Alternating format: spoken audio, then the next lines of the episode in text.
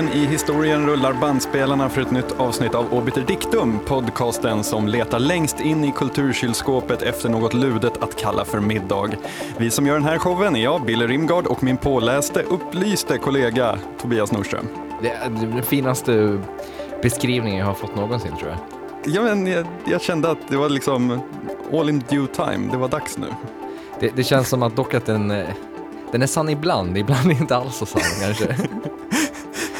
Alltså, exempelvis är det här avsnitt nummer 50 och vi har ingenting speciellt planerat insåg jag fem minuter innan vi satte oss ner här. Nej, jag insåg att det var avsnitt nummer 50 nu när du sa att det var nummer 50. Så att, Men vad man kan göra, det är ju, vi har ju faktiskt en, så här, en William Gibson special om Zero History som nästan är en riktig podcast men som vi sorterade som minisode. Eh, Så vi skulle kunna säga att det här är avsnitt nummer 51 i verkligheten. ja, okej. Så att minisodesen är överlag inte inräknade i de där 50? Nej, det är Nej. bara de långa. Ja. Jag tycker vi, vi kan eh, kanske rulla ut röda mattan sen när det blir avsnitt nummer 100 istället. Ja, alltså jag tänkte ju så här, det finns ju ganska mycket roliga outtakes från när vi misslyckats och sånt. Man kanske skulle ha gjort någon form av collage, men samtidigt så går det ju bra att bara gå in och lyssna på något av de första avsnitten när vi var helt gröna, så är det ganska kul det med faktiskt. Eller hur? Alltså, jag vet inte, vill vi verkligen blotta strupen så att vi, på det sättet att vi lägger upp våra, eh, ja, de mest pinsamma sakerna? Nej, de, de får vara roliga outtakes för Ja, evigt. jag, vet i alla fall att jag har en fil någonstans på min dator som heter Proffs i studion som är, som är, som är fylld av lite, lite sådana saker. Ja, det är, en, det är en, god, en god ljudfil som vi nog ska hålla hemlig. Ja, det, den får, kanske att den blir ett Easter egg någon gång eller någonting sånt där. Precis, håller öronen öppna efter eh, avslutningsmusiken eh, kanske. Ja, någonting sånt. Jaha, hur har, hur har veckan varit? Eh, jo, lite, lite, lite stressigt kan man säga. Jag kastade precis i mig lite yakitori, vilket väl är ungefär kycklingspett i kolasås eller någonting sånt där. Ja, jag, jag, kör, jag kör fastande mage. Ja. Kaffe, räddar, räddar, fixar biffen. Kaffe är en trofast tjänare när man spelar in podcast. Jag kör Cola Light just nu. Mm. Eh, jag Själv, såg, själv då? Eh, var det bra? Jo, jag såg eh, New Girl, den här eh, eh, Zoe Deschanel-serien som drog igång. Mm. Och alltså, eh, jag vet inte, den har jättemånga problem den serien, men det fanns en sak som var extremt bra och det är karaktären Coach som ännu ej namngiven och som hittills inte har gjort någonting förutom att skrika väldigt högt så fort han liksom försöker lösa något problem. Så skriker han “stop it”. Och jag är väldigt svag för karaktärer som bara skriker, som har det som enda så här kommunikationsform. Du gillar han, är, han är mm, professorsassistenten i Mupparna. Vad heter, ja. vad heter han?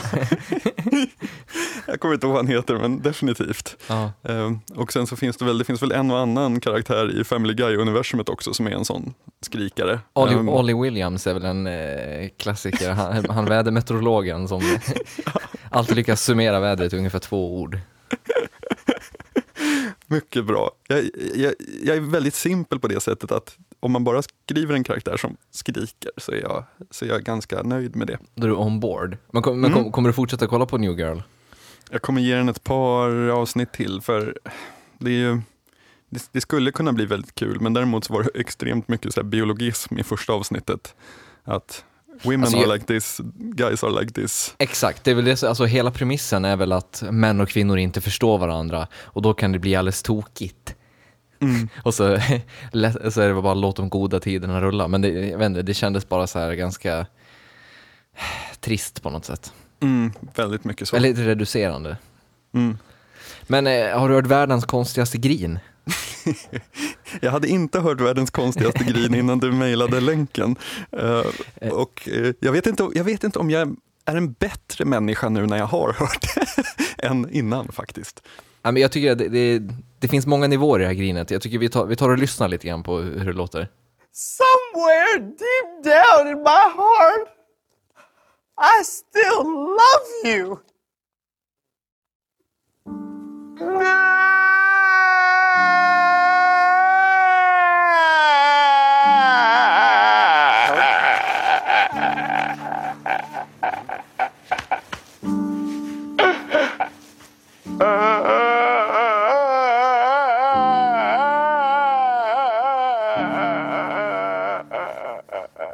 Det, är alltså den eh, amerikanska serien Intervention där, eh, jag vet inte, jag, har inte sett, jag tror jag har sett något, klipp annat från, något annat klipp från Intervention. Det är väl så här, män som pratar om eh, svåra saker ur livet på något sätt. No! Jag, jag, jag tänkte på det, fans gnällde ju på att eh, George Lucas infogade ett nytt No från Darth Vader i eh, Episod 6 av Star Wars. Det var precis det jag försökte imitera. Ja, ja. Men jag, jag vet inte, blir du berörd när du hör det här eller är det bara larvigt? Alltså, jag vet inte vad jag ska säga. Eh, det, det, det lät ju på något så absurt sätt som just det där Darth Vader. Det var, det var väldigt så Saturday, Saturday Night Live-ish, eh, det där, den där gråten.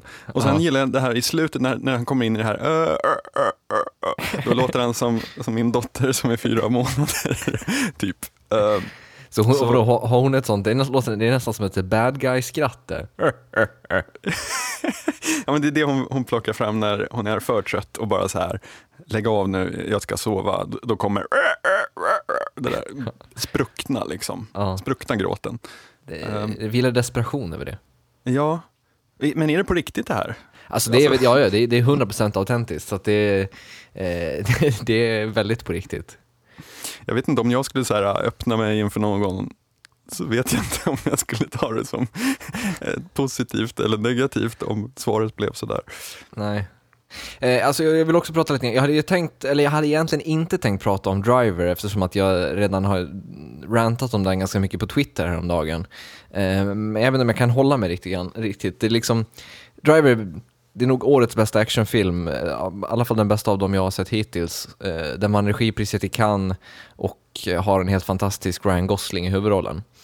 Men jag känner att alltså jag vill redan nu flagga för vad jag misstänker kommer bli ett tema bland svenska kritiker.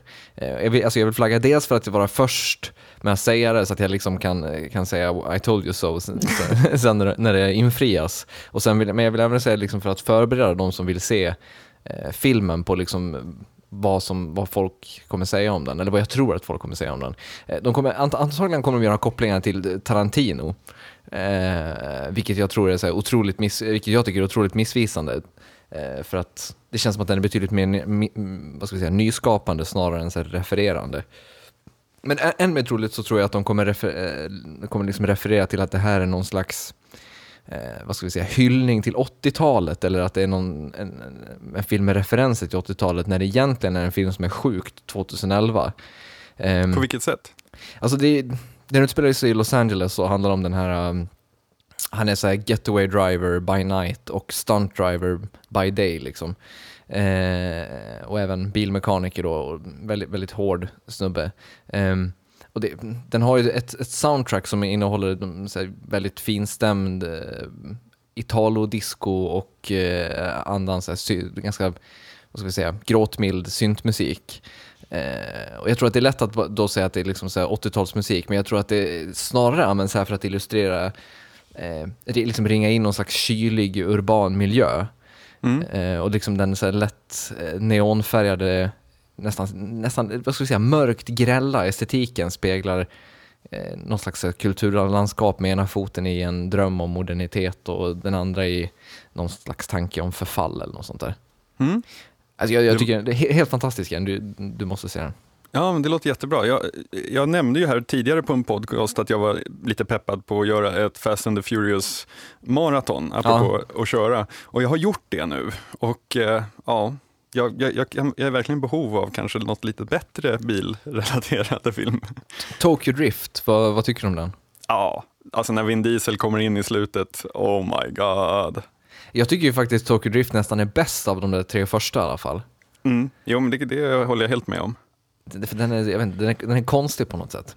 Däremot Fast Five som kom här i, i år började Ja. jag titta på. Men alltså efter 50 minuter har det fortfarande inte varit något bilåkande utan det var en så här uppumpad, renodlad actionfilm på steroider. Jag misstänker att de bygger upp till alltså, the, the racing of all time men jag, jag orkar inte se, se längre faktiskt.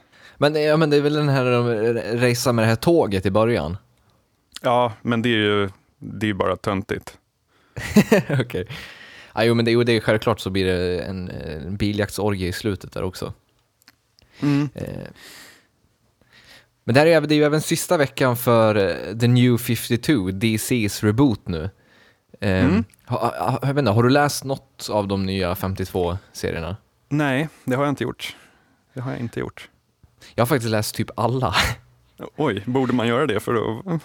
det, det, tror jag inte man behöver göra egentligen. Alltså, men det känns så här uh, som att det, det är kul att det kommer ett sånt, ett sånt vad ska vi säga, tillfälle eh, att man här, kan hoppa på någonting från början. Alltså, för att, eh, rent instinktivt så känns det som att just här, DC och Marvel-universumen, de är liksom ganska oöverskådliga annars.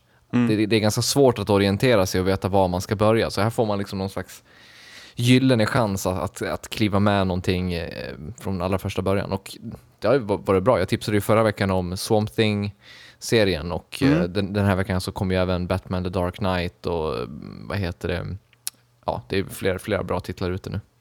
Någonstans kan jag ju känna så här att det finns något lätt absurt i att så här, okej, nu har vi rört in oss i så himla många olika storylines och tagit saker till så himla många konstiga ställen att nu måste vi bota om hela vårt universum för att, för att det ska make sense. Ja, det, det, det, på ett sätt så blir det ju bisarrt, men det är även så här fullt, eh, fullt logiskt, eller vad man ska, man ska säga. För att, eh, det var någon som pratade om på Twitter att så här, mm, de har tydligen, DC har en snubbe anställd som, som ser till att allting hålls samman, alltså att storylines inte korsas så att ingenting säger emot varandra och så. Han, skulle, han typ prisade tydligen den här eh, omstarten nu som 17 för att det skulle bli betydligt mycket lättare för honom.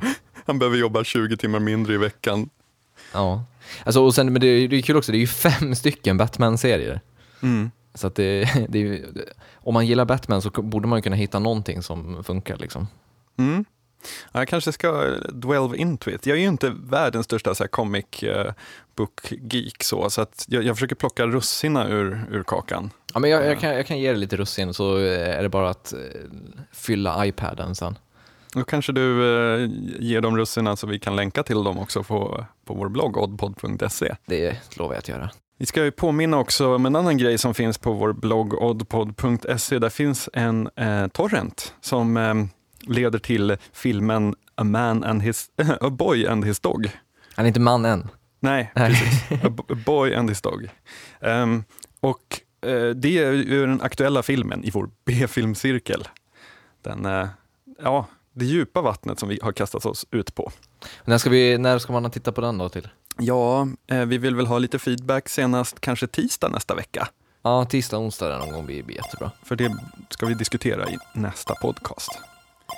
Men eh, med det avklarat så tycker jag vi går på veckans ämnen.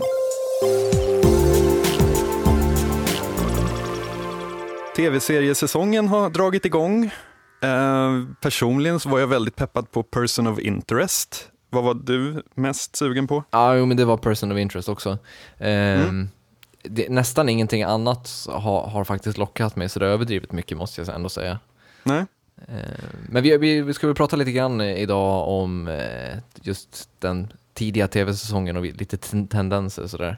Förra året så gjorde vi nedslag på sex olika serier och bara körde igenom stenhårt. Men vi tänkte att vi kanske ska så här fokusera på bara två idag och ja, försöka att kanske koppla ett lite bredare grepp om dem.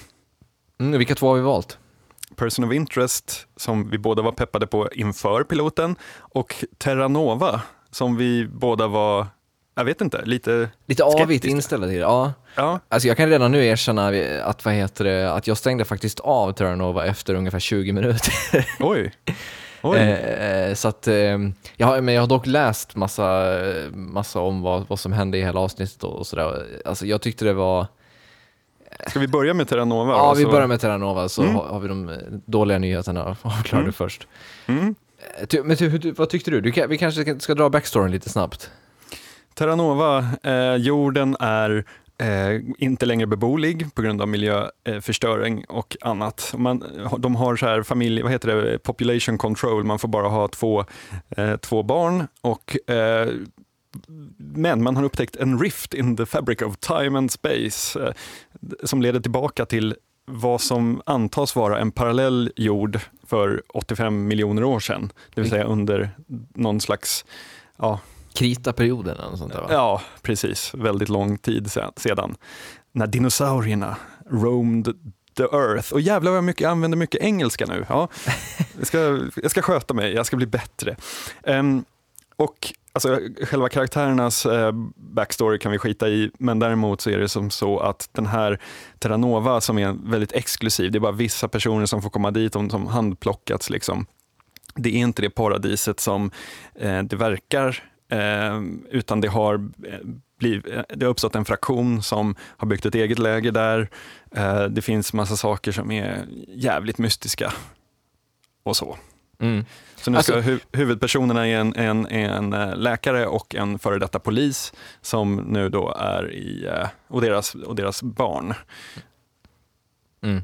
Och där eller, någonstans, jag stängde av kanske tre, fyra minuter efter att de hade kommit till Terranova. Mm. Eh, jag- alltså jag tyckte hela den världen de var i först var ganska intressant. Ja, det kände jag med. Alltså, det, är väldigt Blade Runner-esk. Där var det ett engelskt ord igen. Ja. Nej, men väldigt Blade Runner-feeling på. Ja, jo, men och sen också, jo, men hela den grejen, bara med så här, eh, att det var child control och allting sånt var, var liksom eh, lockande på något sätt. Det var lite, det var liksom dystopiska vibbarna som ganska snabbt bara så här försvann. Alltså, jag fattar inte varför man hade med det där överhuvudtaget i så fall. Jag antar att det kanske kommer spela någon roll lite längre fram i serien. Annars så känns det helt överflödigt att, att, ha, att ha med det överhuvudtaget. Det vore ju smartare att bara börja serien direkt på Turnover och sen då, då kan man liksom utforska varifrån de kom senare, vid ett senare tillfälle. Jag är övertygad om att de kommer att göra bakåtkopplingar till, till vår tid, eller det är inte vår tid, det är 2100 någonting. Ehm, men grejen är så här, det bizarra i det här är ju att de slängde ut så mycket trådar under den här piloten. De, det är så mystiska tecken som någon har karvat i stenar där. Som Det är så mattegrejer va? Ja, matteekvationer. Eh, det finns tecken på att det kanske inte är en parallell tidslinje utan att det är liksom samma tidslinje som, som eh, jorden, vilket vore väldigt katastrofalt för mänskligheten. Eh, det finns den här konflikten med de här The Sixers som var en, den sjätte pilgrimsresan. Eh, alla där bröts ur och skapade en egen koloni som för krig nu mot Terranova. Och sen så nämndes det i förbifarten om en sjukdom som eh, eh en, den här tjejens eh, föräldrar hade gått bort i. Någon fever av något slag. Och jag menar, då har man ganska många trådar och sen slänger man där till in dinosaurier.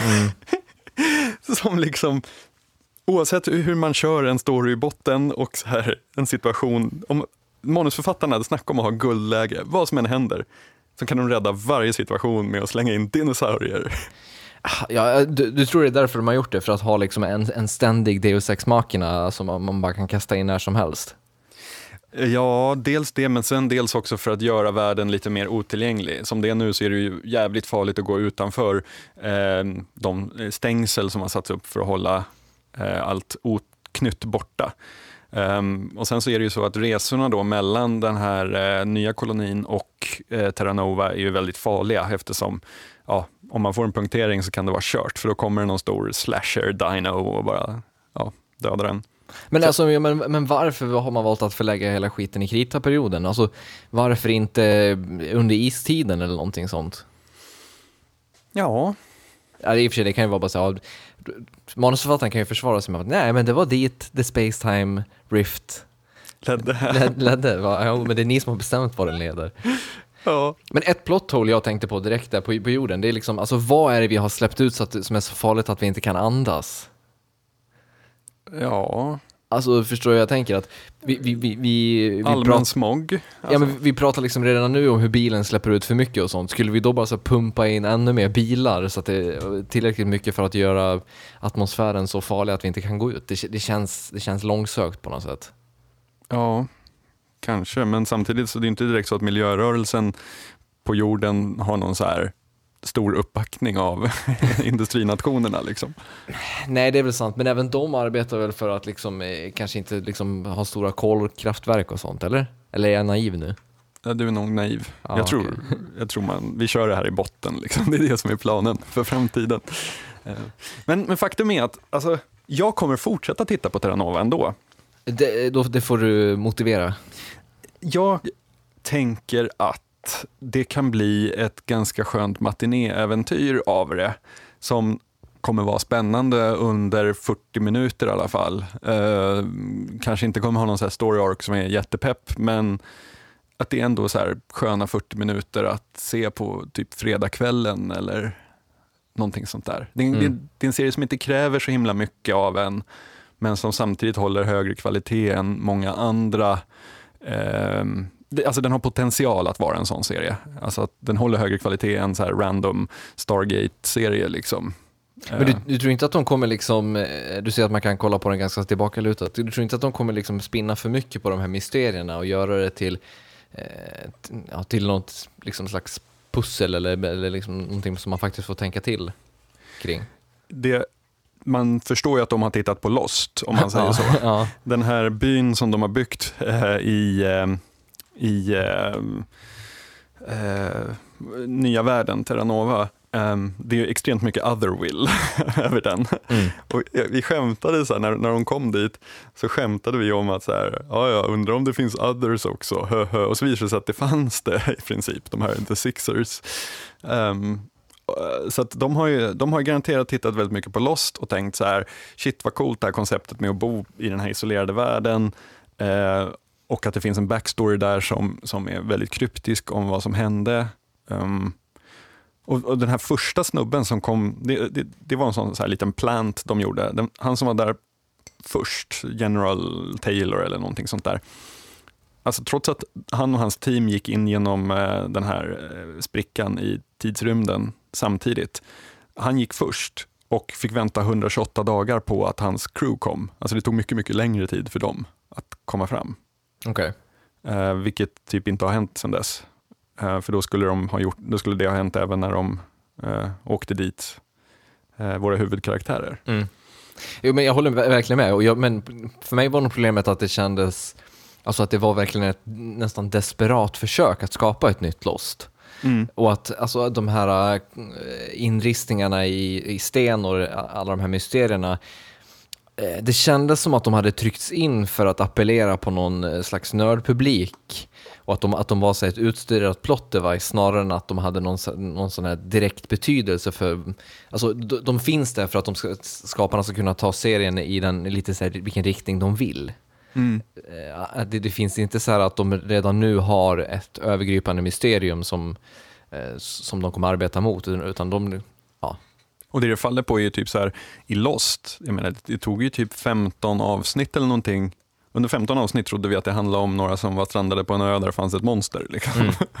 eh, och, och ända fram till säsongsfinalen, säsong 1, så visste vi bara att det fanns en hatch där, men vi visste inte någonting om den. Och, alltså man hade ju inte en aning. Liksom.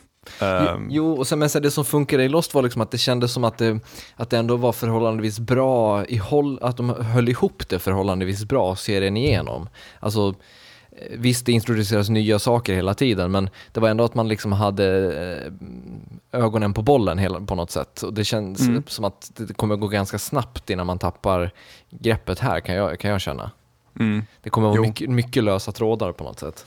Och det värsta som finns det är ju om de börjar så här eh, overdo de här planteringarna av mysterier. Eh, jag kan känna Mm. redan nu, ja, när han frågar vad, vad är dina föräldrar någonstans? De gick bort i bla bla bla bla febern. Och man bara, hmm, okej, den där suger vi, och sen ingen förklaring till det. Och då, det, då känns det som så här, eh, det känns som en rubrik på någons whiteboard som det sitter ett frågetecken under. Mm. eh, som kommer att utnyttjas förr eller senare. Alltså poängen med hela serien är väl att det kommer sluta med att människorna utrotar dinosaurierna och så är vi i vår egen tidslinje och så var det så dinosaurierna dog ut. Tror du inte? Ja, jo, det är mycket möjligt. Ja, men jag, jag, jag vet inte, jag, jag, är, ju- jag är ju som du märker skeptisk, men jag, jag tror Mm. jag ska göra ett försök till att åtminstone se hela piloten så får vi se. Mm. Eh, Ja, som sagt, jag kommer, jag kommer fortsätta titta på den ett par avsnitt till. Uh, tror inte att det kommer tror inte att det kommer att eh, lyfta så himla mycket, men är också okej med det. Det får Mm. däremot inte bli värre. Nej. Du kanske kan hålla mig lite uppdaterad då och se om det, om det utvecklas något intressant. Mm. Bra.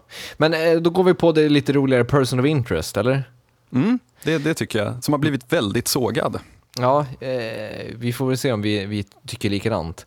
Eh, jag måste säga att piloten är ju en, det är en väldigt tydlig klassisk origin story. Alltså den berättar historien om hur John Reese, kanske Kyle Reese far, och Finch möts då. Eh, det är alltså James Caviezel och eh, Michael Emersons karaktärer. Eh, och lite spoilers kommer här då, och om hur man får bland annat reda på att John Reeses fru har blivit mördad, att han är gammal CIA-agent och han, att han nu är ute i kylan. Liksom. Eh, och så får man reda på, man, de berättar om hur Finch har skapat ett dataprogram som kartlägger människor i syfte att stoppa terroristbrott och hur han nu vill använda det här programmet eh, för att stoppa mindre brott än så stora terroristdåd. Eh, och han gör det då genom att det här programmet spottar ut listor på Social Security-nummer eh, som då tillhör personer som antingen kommer begå brott eller som kommer utsättas för brott eller som kommer på något sätt vara involverade i lite olika saker som händer. Um, och jag vill säga direkt så här, det känns som att vi står direkt inför ett elddop med Person of Interest. Eh, och det är att alltså, den kan antingen välja att gå någon slags traditionell väg där vi vecka efter vecka kommer få följa Reese och Finch medan de stoppar de här brotten eh, och pratar med varandra och ställs kanske inför lite, så här, inför lite så här, moraliska problem med att de är rogue och lite så. Eller, och det är det här jag hoppas på då, så, så kan Person of Interest välja att gå någon slags intressant väg där man istället utforskar den här AI-datorn. Um, ehm, och jag tänker att det behöver inte göras på något överdrivet komplicerat vis, utan det räcker med att datorn kanske börjar ge konstiga uppgifter eller att eh, den eh, skapar något, slags, något slags problem med att den får för stort inflytande. Eller, och min, det här är min favorit då, eller att de börjar upptäcka anomalier eller mönster i uppgifterna. Mm. Mm. För, men eh, vad, vad, tror du? Tror du att den kom, vilken väg tror du att den kommer gå? Tror du att vi mm. får en blandning kanske? Alltså problemet som, eller problemet, eh, jag, tyck, jag håller med dig helt och hållet i att eh, det är upplagt precis som du säger. Alltså canvasen är uppmonterad och färgerna är blandade, var, var, vad ska vi rita? Liksom? Um, om den fortsätter som i piloten, där det dyker upp ett nytt brott som ska lösas och så åker de iväg och gör det, då tror jag att jag kommer tröttna jättefort. Men jag tror att om man utnyttjar möjligheterna som du säger, eh, så kan det bli en riktigt, riktigt bra eh, serie. Och för mig jag tycker inte ens att det räcker. Jag, så här, jag ser inte ens bara AI som, som eh, den stora möjligheten, utan jag ser, alltså för det första, eh, två, två poänger har jag. Alltså själva grundkonceptet med en maskin som förutspår brott, det är liksom så jävla öppet för kreativitet. Det är inte liksom ett fantastiskt, eh, eller det är inte ett originellt grundkoncept, men det är ändå fantastiskt, för man kan bygga sån jävla cool dramaturgi utifrån det. Mm. Men framförallt så undrar jag, den här Mr Finch, alltså Michael Emersons karaktär. Um, för övrigt väldigt roligt att Michael Emerson går omkring och tjatar om listor i, i ännu en serie. um, men, men Mr Finch, uh, vad har han för bakgrund? Liksom? Varför är hans familj död? Varför tror världen att han är död? Men dog han inte måste... hans familj i 9-11 eller något sånt där? Framgick det? Jag för mig han sa det, att det, var, att det var därför han ville skapa programmet, för att stoppa att något sånt brott skulle hända någon, någonsin igen. Okej, okay, okay, men, men varför, tror, han, varför tror, tror världen att han är död? För han finns ju inte heller på kartan. Liksom. Mm. Um, och jag tänker att han måste ha ett riktigt shady past med tanke på liksom att han byggde den där maskinen. Um, är han egentligen ond? Var ligger hans eh, lojaliteter? Alltså om de vågar utforska eh, de grejerna, exempelvis att John Reese börjar så här, du vet, han blir kontaktad av någon som bara, du den där Mr Finch, honom bör du inte jobba med därför att... Punkt, punkt, punkt. Du vet, så att John Reese börjar um, ja, ja, du vet, börjar fatta misstankar mot att det finns, det, det, finns någonting där bakom. Då tror jag skitmycket på den. Alltså du, du är ju bara färgad nu av att Michael Emerson spelade Ben förut, så tror ju du definitivt att han inte har rent mjöl i påsen. Det är därför, ja. du, det är därför du inte vill lita på honom. Jag, för jag, vet inte, jag gillar ändå deras dynamik på något sätt. Jo, fast grejen är att Michael Emerson är ändå en fantastisk karaktärsskådespelare. Ja. Jag tänker att när man castar honom så gör man det för att han ska spela en komplex roll. Eh, det kan inte vara så enkelt att han går omkring i eh, svart rock och säger eh, The world is bad John, you can make it good. vilken, vilken bra Michael Emerson-imitation måste jag säga. Nej, men han får, får gärna, för dig. Ja, jo, men han får gärna gå runt och säga att the machine is everywhere dock. Det, det tyckte jag var mm. fantastiskt.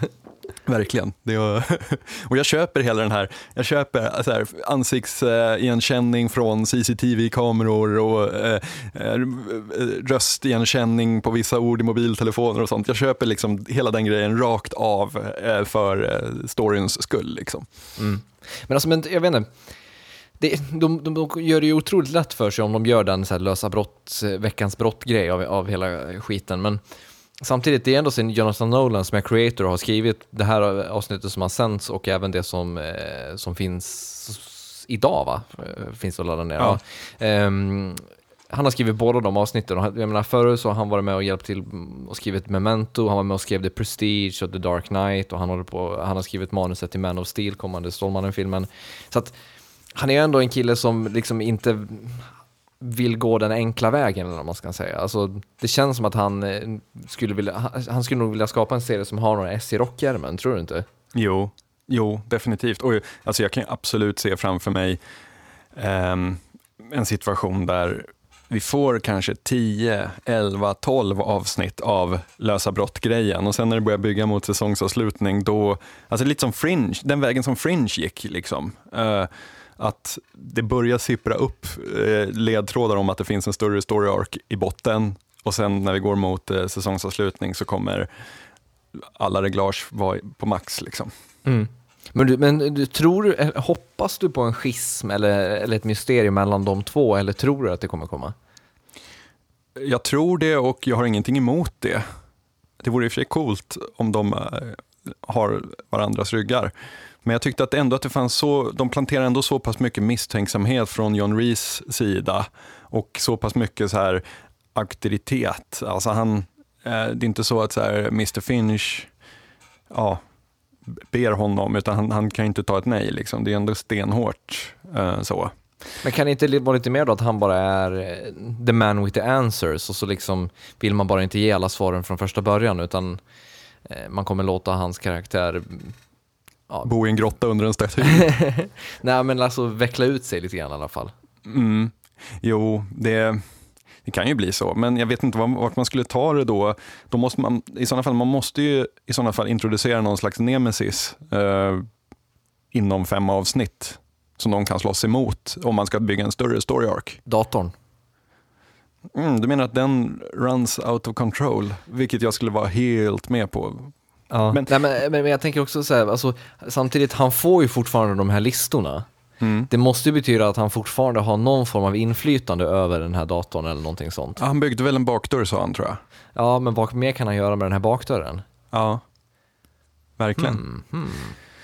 Och sen, eh, alltså om, om det är en AI-show det här så kan det ju vara så att datorn börjar välja ut eh, personer som eh, gynnar datorn. Alltså någon slags, eh, spot- börjar spotta ut social security-nummer för att, ehm, alltså som, som datorn vill att de ska göra någonting med. Så att de, alltså, när John Reese kommer till någon så sätter han en serie handlingar i rörelse som Mm. ligger i datorns intresse. Typ. Mm, mm. Men eh, du, du kommer fortsätta titta eller? Ja, ja, definitivt. Jag kommer också eh, följa hela Person of Interest med spänning. Men varför Den har, blivit så... slak- den har blivit slaktad liksom. Ja, men Eh, vad, vad- är det folk har kla- klagat på? Jag har inte läst det överdrivet mycket. Nej, de...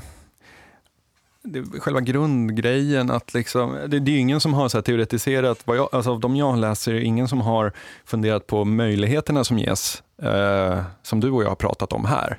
Mm. Utan det har ju mer varit så här, åh gud, alltså Minority Report, eh, det här känns så gjort och ja, Fast det här är väl på något sätt antitesen till Minority Report. Alltså, hela den eh, Philip K. Dick-idén handlar väl om, om liksom nå, eh, eh, någon slags idealism gone wrong där, där hela samhället är uppbyggt kring att man kan stoppa saker och det moraliska i att straffa folk för handlingar de faktiskt inte har begått och sånt. Här Mm. känns, det känns ju inte lika så här, eh, det känns inte som att de bollar upp det, det moraliska dilemmat på något sätt.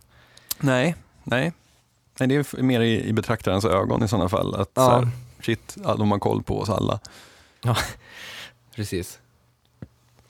Men eh, vi får väl återkomma till de här om några avsnitt och se var vi, var vi står. Ja, det tycker jag låter som en ypperlig idé. Vi pratade lite förra veckan om hur Mad Men eh, kammar rent hus när det kommer till eh, eh, dramakategorin på tv-galorna. Och Mad Men är ju faktiskt inte den enda serien som eh, blickar tillbaka till något mytiskt 50 och 60-tal. Vi har ju även eh, engelska The Hour och sprillans nya Pan Am som alla går ja, de slår nästan knut på sig själva i försöken att vara autentiska och snygga och så här verkligen skildra en samtid på den tiden. Mm. Eh, Varför Vi, är, har, vi, vi har även nya Playboy Club som hade premiär för några veckor sedan som också Ja. är early 60s. just det, just det. Va- Varför är den eran plötsligt så hipp att göra tv om tror du?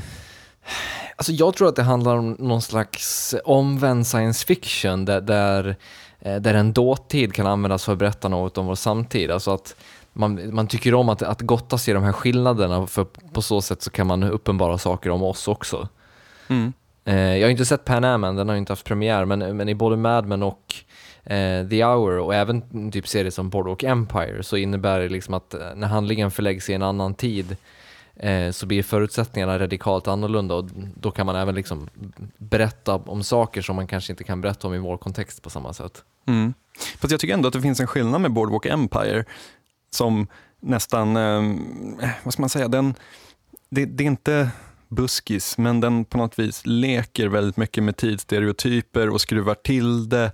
Eh, den, det Boardwalk Empire känns mycket mer så medveten om att den är en romantiserad bild, eller inte romantiserad ens en gång, utan en, en tillspetsad bild av så här 20-talets Atlantic City. Eh, Jo, jo det, det, är nog, det är nog helt sant, men den är ju samtidigt, det finns ju samtidigt en anledning, anledning till att man gör en maffiaserie om eh, 20-talet nu snarare än att man gör en om ja, 00-talets eh, organiserade brottslighet, eller? Jo, absolut. Eh, men jag tycker ändå att det finns alltså någon, en, en distans i Boardwalk Empire som inte finns i Mad Men. Mm, Eller jo, The det, det Hour. är sant. Men det, är väl, det är väl också för att den inte har, eh, alltså att The Hour och Mad Men, den, de har liksom inte alls samma high concept-grej på något sätt. Nej, och framförallt så tycker jag nästan de är så här, alltså, visst det, det, de, visar på någon slags misär på sina sätt också, eh, men de hyllar, ju, de hyllar ju även samtidens ideal på något sätt. Alltså de Mm. hyllar ju den här eh, fantastiska perioden det var där allt var möjligt och där, där solen sken på något vis. Um, det känns mycket som att det är ett tillbakablickande av några som inte eh, levde under den tiden, utan det är deras bild av hur den tiden var. Jo men det är väl samtidigt så här, eh, alltså det är ju samtidigt, visst det är vackert och sådär men det är, gemensamt för serien är väl också att det fanns massa problem då eller? Jo, fa- fast jag tycker så här, problemen de visar är eh, alltså ändå mellan raderna lite grann. Eh, visst, Mad Men, där alla är, är svårt tragiska människor eh, och som, eh, som, som eh, dricker sprit och, och, och bara är allmänt vidriga. Men det finns någonting i den eran. Det här är ju liksom den gyllene generationen. Om, om man bortser från de så här karaktärerna som vi får följa och deras hopplöshet så är liksom ah, tids, tidsandan. Men jag ser samtidigt, alltså just Mad, framförallt Mad Men som, som ett sätt att, precis som du säger, just att dekonstruera hela den guldåldern, alltså just tidigt 60-tal och som, som en period där hela den amerikanska drömmen bara så blommade. Mm. Eh, och då blir liksom Mad Men ett verktyg för att ta itu med den drömmen och se, men alltså var det verkligen, eh, var det verkligen all that? Utan Mm. Eh, Alltså människorna mådde egentligen ganska dåligt eh, av olika anledningar under den här perioden. Trots att vi Mm. idag vill, trots man idag i USA vill måla ut det som att det var liksom tiden då vi pikade på något sätt. Inte bara i USA, det är även i Sverige tycker jag. Ja. Liksom, jag menar så här, farmor och farfar, den generationen, alltså de hade ju hela, hela världen för fötterna. De kunde köpa sommarhus och köpa bil, det var optimism, inga gränser överhuvudtaget. Vår föräldrageneration fick det väl bättre än dem, men sen kommer vi som blir utlasade och betalar 15 kronor liten för bensin och liksom inte ens vet vem som är så här fiende i vår värld. Typ. Men, Eh, tror du, men tror du också, jag, kan, jag, jag, jag tror också att de här serierna eh, på ett sätt är lite verktyg för de som är här, de som är liksom 60-talisterna att göra upp med föräldragenerationen och liksom se så här Eh, alltså visst, ni, by, vad heter, ni hade ett fantastiskt samhälle att leva i, men vad fan gjorde ni med det? Jo, ni slog era barn och behandlade kvinnorna som Ja. skit, skit och allting sånt. Det är därför jag aldrig blir upprörd när jag hör om hur dåligt pensionärer har idag. De har fan sabbat hela världen. De kan sitta där och torr massarin och lyssna på dragspel. Precis. Ja, vi byggde den här kemifabriken och pumpade ut resterna på åkern. Fuck you, sen kunde vi köpa ny Amazon. Ja. Alltså, visst ligger det någonting i det, för det, manusförfattarna är väl liksom, har väl förmodligen inte ens upplevt den här tiden som barn, utan de är väl 40, i 40-årsåldern, liksom, eller 30-årsåldern till och med. Fast han, han skaparen av eh, Mad Men, inte han... Jag har för mig att han är 60 60-talist. Ja, okej. Jag, och jag tror det var Jan Gradvall som bollade upp hela den grejen på, på Twitter också och skrev, pratade om att eh, den senaste säsongen av Mad Men, att det är så mycket fokus på barnen, är, måste väl vara liksom ett sätt att, för honom att hämnas på sina föräldrar eller nå- någonting sånt. Ja, men det, det kan jag tänka mig. Men, men varför tror du att eh, vi förför så mycket som tittare av att titta på den här perioden då? För att jag, jag gillar ju både The Hour och Mad Men. Eh, och jag, jag har inte sett Pan Am, men även om den inte kommer vara lika bra så tror jag att den kommer vara helt okej ändå. Alltså jag, det- jag, man gillar ju någonstans tanken på en mindre komplicerad värld. Um, den var ju Men- komplicerad på sitt sätt givetvis. Ja. Men, men tänk dig Tänk dig de på BBC som sitter och skriver om en show på 60-talet på BBC. Och det fanns två kanaler, alla bänkade sig framför tvn halv åtta. Oändliga möjligheter för de som jobbade med tv-produktion, som verkligen var stjärnor. De här manusförfattarna de har ju säkert suttit och skrivit du vet, massa grejer som floppat och liksom, yay, 200 000 tittare hit och dit och liksom drömt om så här, Åh, tänk om man hade varit född i den tiden när här, tv betydde någonting, där det var stort att ha en tv-show på kvällstid. Liksom. Ja, men samtidigt så blir de, blir de ju sjukt motarbetade i The Hour. Jo, det är sant. Så jag vet inte, det, Men, men det är väl deras sätt att så här, övertyga sig själva om att nej, det var fan inte bättre förr. Ja men det är ju här- hela den här, jag vet, inte, jag vet inte om du har sett det, men Woody Allens senaste film Midnight in Paris handlar ju om precis det, om att, om att alla hela tiden så tänker att, att guldåldern alltid har varit. Han reser ju i tiden då tillbaka till eh, Paris tidigt 1900-tal och träffar Salvador Dalí och mm, Hemingway och massa personer och pratar om att åh det är så synd att jag inte lever i den tiden. Mm. Men så är liksom ändå eh, kontentan och sen moralen i det hela är ändå att ja men så tänker alla. Så var det likadant för dem. De tänkte att det var mycket bättre före. Och så, ja. Mm. Det, det, det, jag vet inte. Jag tror också att det kan vara liksom att vi tittar på det för att det, eh, det, blir, det blir någon slags nästan så kostymdrama som är mer kommersiellt gångbart i och med att det, det inte blir samma så här styltighet som att se någon så viktoriansk hedersdrama eller någonting sånt, eller så Shakespeare-grejer, utan det, det, är liksom till, det är tillräckligt avlägset för att det ska bli exotiskt, men tillräckligt nära för att vi ska kunna känna igen det. De tittar ändå på tv och sådär liksom. Mm. Jo. Ja, jo, men så, det, det tror jag också. Ja. Eh, För man gillar ju någonstans eh, eh, skildring av en tid. För, alltså typ så här, The Untouchables, det 30-talet som ändå är extremt mycket 90-tal, eh, är ju ändå så här fint att, att se. Eh, Mm. Och här har de väl eh, verkligen ansträngt sig för att det här 60-talet inte ska vara så mycket 2011, utan det ska verkligen vara 60-tal. Vi- Det, det återstår väl att se om 20 år om de lyckades med det eller inte. Mm. Men sen tror jag också att de, de är väl förhållandevis billiga att göra de här serierna. Alltså det är ju inte, det är inga, inga lost-budgetar som krävs för någon av dem. Nej. Och det måste väl vara attraktivt för studiorna i, i sådana här dagar liksom. Mm, jo, precis. Alltså, de, de gömmer ju mycket bakom eh, liksom, dekor och eh, kostym. Eh, det är inte, det är ju, I grund och botten så är det ju ett pratdrama eh, som, man, som man klär upp lite grann. Mm. Men tror du att, att det här handlar också om någonting om att Alltså att trenden föds i och med att det är USA som sätter agendan. Jag tänker på att eh, alltså, om, om USA vill, vill eh, porträttera sin ungdom och inte liksom göra en serie om eh, inbördeskriget så blir det ju liksom den här tiden. För annars så blir det krigstid och då blir det ett krigsdrama istället. Eh, tror du att det blir en bidragande orsak till att trenden blir så stor? Liksom att alla blickar mot USA på något sätt? Mm. Jag tror att trenden kommer för att Mad Men lyckades så himla bra. Ja. ja. men ska man vara krass så är det ju så att så här, det- wow, det här blev den mest omtalade tv-serien som, som finns. Så istället för att göra något helt wild and crazy så bara, men vi gör en 60-talsserie, det, det funkade ju. Ehm, men sen ska man nog inte heller underskatta att de som är födda i slutet av 40-talet eller början av 50-talet, de sit- sitter ju idag på väldigt många maktpositioner, både inom liksom kulturkritik och inom tv-produktion, att fatta beslut vad som ska göras och inte. Och för, Mm. för dem, det här är ju deras liksom ungdom, det är, det är från när de är liksom 12-13 år och uppåt, så de älskar väl det här. Men samtidigt så väljer de ju också att, mm, ursäkta, de väljer ju samtidigt att porträttera de kanske inte mest vad ska vi säga, romantiserade eller smickrande delarna av hela den perioden. Alltså de hade ju kunnat göra om Suburbia. Ja, precis. Men Suburbia där unga, unga människor röker gräs och mm, har sexuell frigörelse och allting sånt. Alltså allt det som var så fantastiskt med 60-talet inom citationstecken. Eh, Men det, det gör de ju inte. Fast man får ändå se glimtar av det i Mad Men när de går på så konstnärsfester och sånt. Eh, Jo. Fast då, då känns det snarare mest marginaliserat. jo, Och det kanske är poängen att visa på något sätt att det inte var så prominent eller något sånt. Eh, men jag, jag, får lite, jag får lite samma känsla som när så här, SVT och eh, kulturpersonligheter 55 plus ska skildra 68-rörelsen.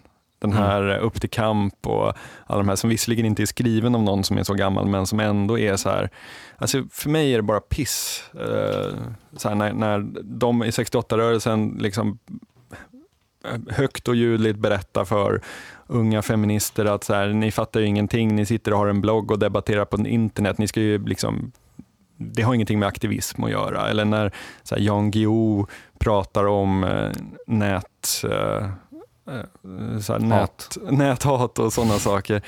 De, sitter i sin lilla bubbla där det enda, som, det enda sättet att vara politiskt aktiv det är att göra som de gjorde 1968. Allt annat är liksom otänkbart. Det är som när Billy Bragg går ut och är sur över att ingen gör politiska texter, ingen politisk musik längre. Mm. Och det, det är sånt skitsnack för att det görs hela, hela tiden. Bara det att nej, det är inte massa gubbar i, med gitarr som, som eh, har konserter för strejkande hamnarbetare, utan det sker på annat sätt. Och jag tycker att den, det finns en eh, det finns något upplyftande ändå i att Mad Men och, och de visar väldigt mycket av hur piss det var också. För att vi matas ju hela tiden med dem, från de som har de fasta anställningarna som kulturkrönikörer. Från dem matas vi ju, vi ju av en bild där de var så jävla bra och alla andra som har försökt efter, inklusive oss, har bara misslyckats.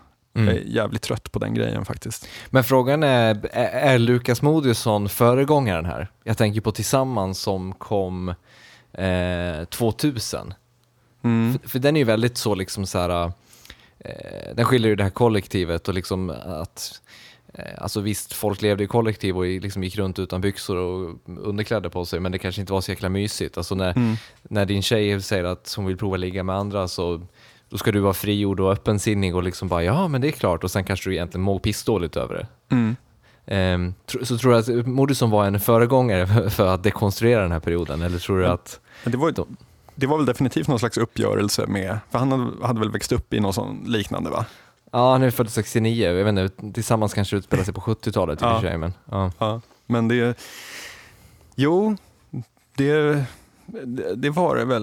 Det har väl kommit ett antal sådana där... Eh, eh, Goodbye Lenin var väl lite liknande också i ton just det där av någon som faktiskt hade växt upp i det där och ehm, eh, ja, Fast den utspelar sig väl 91 eller någonting sånt där, den Jo, inte? jo, absolut, men i ande, alltså han, han, det var skitlänge sedan jag såg det nu, men visst är det så att han eh, måste försöka upprätthålla illusionen av att Östtyskland fortfarande finns för hans gamla mamma som är sjuk. Precis. Ehm, och det greppet tycker jag ändå är ganska intressant därför att det säger ju någonting om ehm, eh, alltså att det hela tiden handlade om kulisser som försökte upprätthållas. Mm. Eh, så att det är ändå en uppgörelse någonstans med ett, sam, ett samhälle. Mm. Kommer du kolla på Pan Am då? Jag ska börja titta på den. Eh, jag tror faktiskt att första avsnittet har, har gått, eh, för det, det finns, finns i sjön numera. Eh, men jag har inte hunnit se det ännu, så att jag ska kolla på det. Okay. Men, men tror du det kommer vara bra? Tror du att det kommer tillföra någonting eller tror du att den snarare kommer haka på hela, eh, alltså försöka gå i Mad Mens spår? Så vitt jag läste det så är det också lite kalla kriget-vibb i den. Eh, På den här transatlantiska flighten mellan eh, USA och Europa som det här utspelar sig på så sker det tydligen en hel del fuffuffens med spioner och sånt, vilket är, det låter lite coolt. Ja. Så du, du, du kommer titta på den bara för att få kalla kriget-fixen eller? ja, precis. Ja.